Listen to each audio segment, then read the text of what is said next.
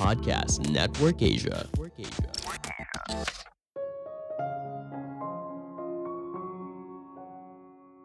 Bisnis itu jangan hanya modal nekat saja, kamu juga perlu perencanaan dan riset yang matang. Halo semuanya, nama saya Michael. Selamat datang di podcast saya, Sikutu Buku. Kali ini saya akan bahas kisah inspiratif dari Hendra Arifin, yang merupakan pendiri dari Hokben. Iya, restoran cepat saji yang mengusung konsep Jepang ini ternyata milik orang Indonesia di bawah naungan PT Eka Boga Inti. Sejak pertama kali berdiri pada tahun 1985, restoran khas Jepang tersebut masih eksis dan terus berkembang hingga sekarang. Sebagai informasi, podcast Kutu Buku sekarang bergabung dengan Podcast Network Asia dan Podmetrics loh. Sebelum kita mulai, buat kalian yang mau support podcast ini agar terus berkarya, caranya gampang banget. Kalian cukup klik follow. Dukungan kalian membantu banget supaya kita bisa rutin posting dan bersama-sama belajar di podcast ini. Bagi masyarakat Indonesia yang tinggal di kota besar, pasti tidak asing lagi dengan makanan cepat saji dengan konsep dari Jepang. Hokben yang awalnya dikenal sebagai Hoka Hoka Bento, pertama kali didirikan pada tahun 1985 di Kebon Kacang Jakarta Pusat oleh Hendra Arifin. Hendra masih berstatus sebagai karyawan dari perusahaan multinasional. Dia memutuskan untuk pensiun dini dan banting setir ke bisnis kuliner karena melihat peluang di sana. Padahal dirinya sudah bekerja selama lebih dari 13 tahun dan ibaratnya sudah berada dalam zona nyaman. Inilah yang membuat Hendra banyak mendapat pertentangan dari keluarga dan rekan kerja. Namun hal ini tidak membuat dirinya goyah. Dia tetap teguh pada pendiriannya. Hendra tidak serta-merta keluar dari pekerjaannya. Sebelum keluar, dia sudah melakukan riset panjang untuk bisnis kulinernya. Sebagai informasi, konsep awal Hokben berasal dari kebiasaan orang kantoran di Jepang yang senang menyantap makan siang dalam bentuk nasi kotak yang disebut bento. Itulah sebabnya Hendra menamainya sebagai Hoka Hoka Bento, yang artinya makanan bekal yang masih hangat. Dia juga sangat serius dalam bisnis ini. Hendra pergi langsung ke negeri Sakura untuk mempelajari dan membeli izin penggunaan merek serta sistem kerja Hoka Hoka Bento di Indonesia. Walaupun menampilkan diri sebagai restoran Jepang, tetapi masakan Jepang yang disajikan di Hokben telah disesuaikan dengan selera orang Indonesia. Hokben sendiri menyediakan menu masakan Jepang populer seperti teriyaki, yakiniku, chicken katsu, karage, ekado, hingga shrimp roll dilengkapi dengan salad dan sup, tidak lupa juga nasinya yang istimewa. Tidak sedikit dari kita yang suka bertanya, apa resep di balik nasi dan mayones unggulan dari Hokben? Khusus nasi, banyak konsumen yang menafsirkan di balik kelezatan dari nasi restoran ala Jepang ini adalah dengan menambahkan jelly saat proses memasaknya. Tetapi ternyata hal tersebut salah.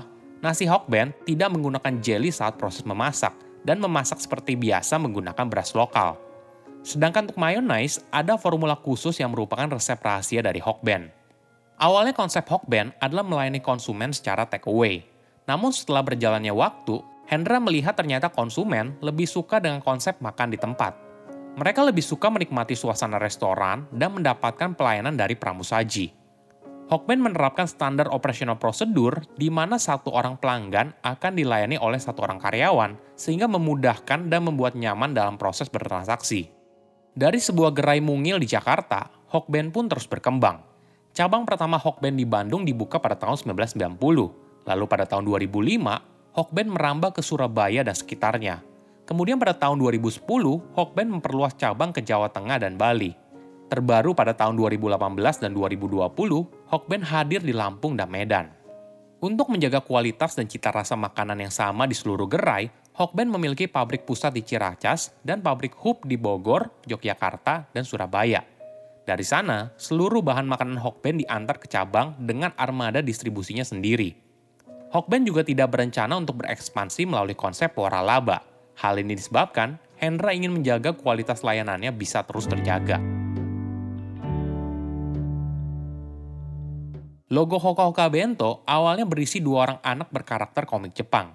Anak laki-lakinya berbaju biru bernama Taro, sedangkan yang berbaju merah adalah anak perempuan yang bernama Hanako. Pada logo Hokben yang baru, kedua anak tersebut hanya dimunculkan bagian kepalanya saja, dengan posisi yang masih lama serta ditambahkan beberapa elemen gambar yang dilatar belakangi warna kuning.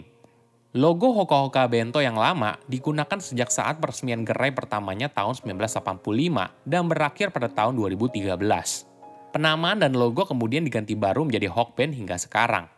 Alasannya, karena berdasarkan riset konsumen, mereka lebih sering menyebut Hoka-Hoka Bento dengan akronim Hokben. Logo baru ini juga dibarengi dengan peluncuran pola yang disebut Community Pattern. Warna kuning sebagai warna utama pola ini menjadi elemen menarik yang dipasang pada dinding, gelas, dan berbagai peralatan. Hokben Community Pattern dari lima pola yang berbeda, yaitu Parent and Kid yang menggambarkan Hokben sebagai restoran penyedia makanan keluarga. Kedua Welcoming Hello yang menggambarkan keramahan Hokben kepada pelanggan. Ketiga Friendship yang menggambarkan tempat menikmati kebersamaan.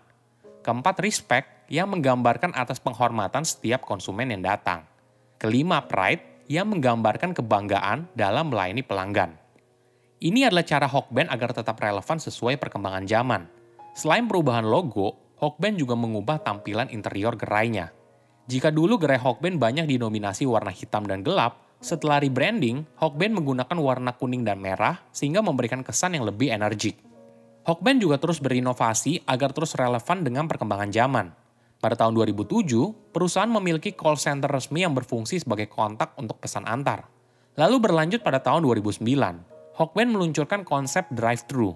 Kemudian pada tahun 2012, perusahaan memperkenalkan konsep pembayaran dengan cara multi cashier service dan debit atau credit card. Lalu pada tahun 2016, Hokben meluncurkan Hokben Apps untuk memudahkan pesanan Hokben seperti ketika konsumen memesannya di gerai. Di tengah tantangan pandemi COVID-19, Hokben juga berusaha menyesuaikan diri dengan memperkenalkan konsep baru yaitu Hokben Kitchen, gerai yang hanya melayani pesanan untuk dibawa pulang atau pesan antar. Konsep ini bertujuan agar mereka dapat melayani pelanggan lebih cepat karena lebih mudah dijangkau oleh armada online. Kini, Hokben telah memiliki ratusan gerai yang tersebar di berbagai kota di Indonesia.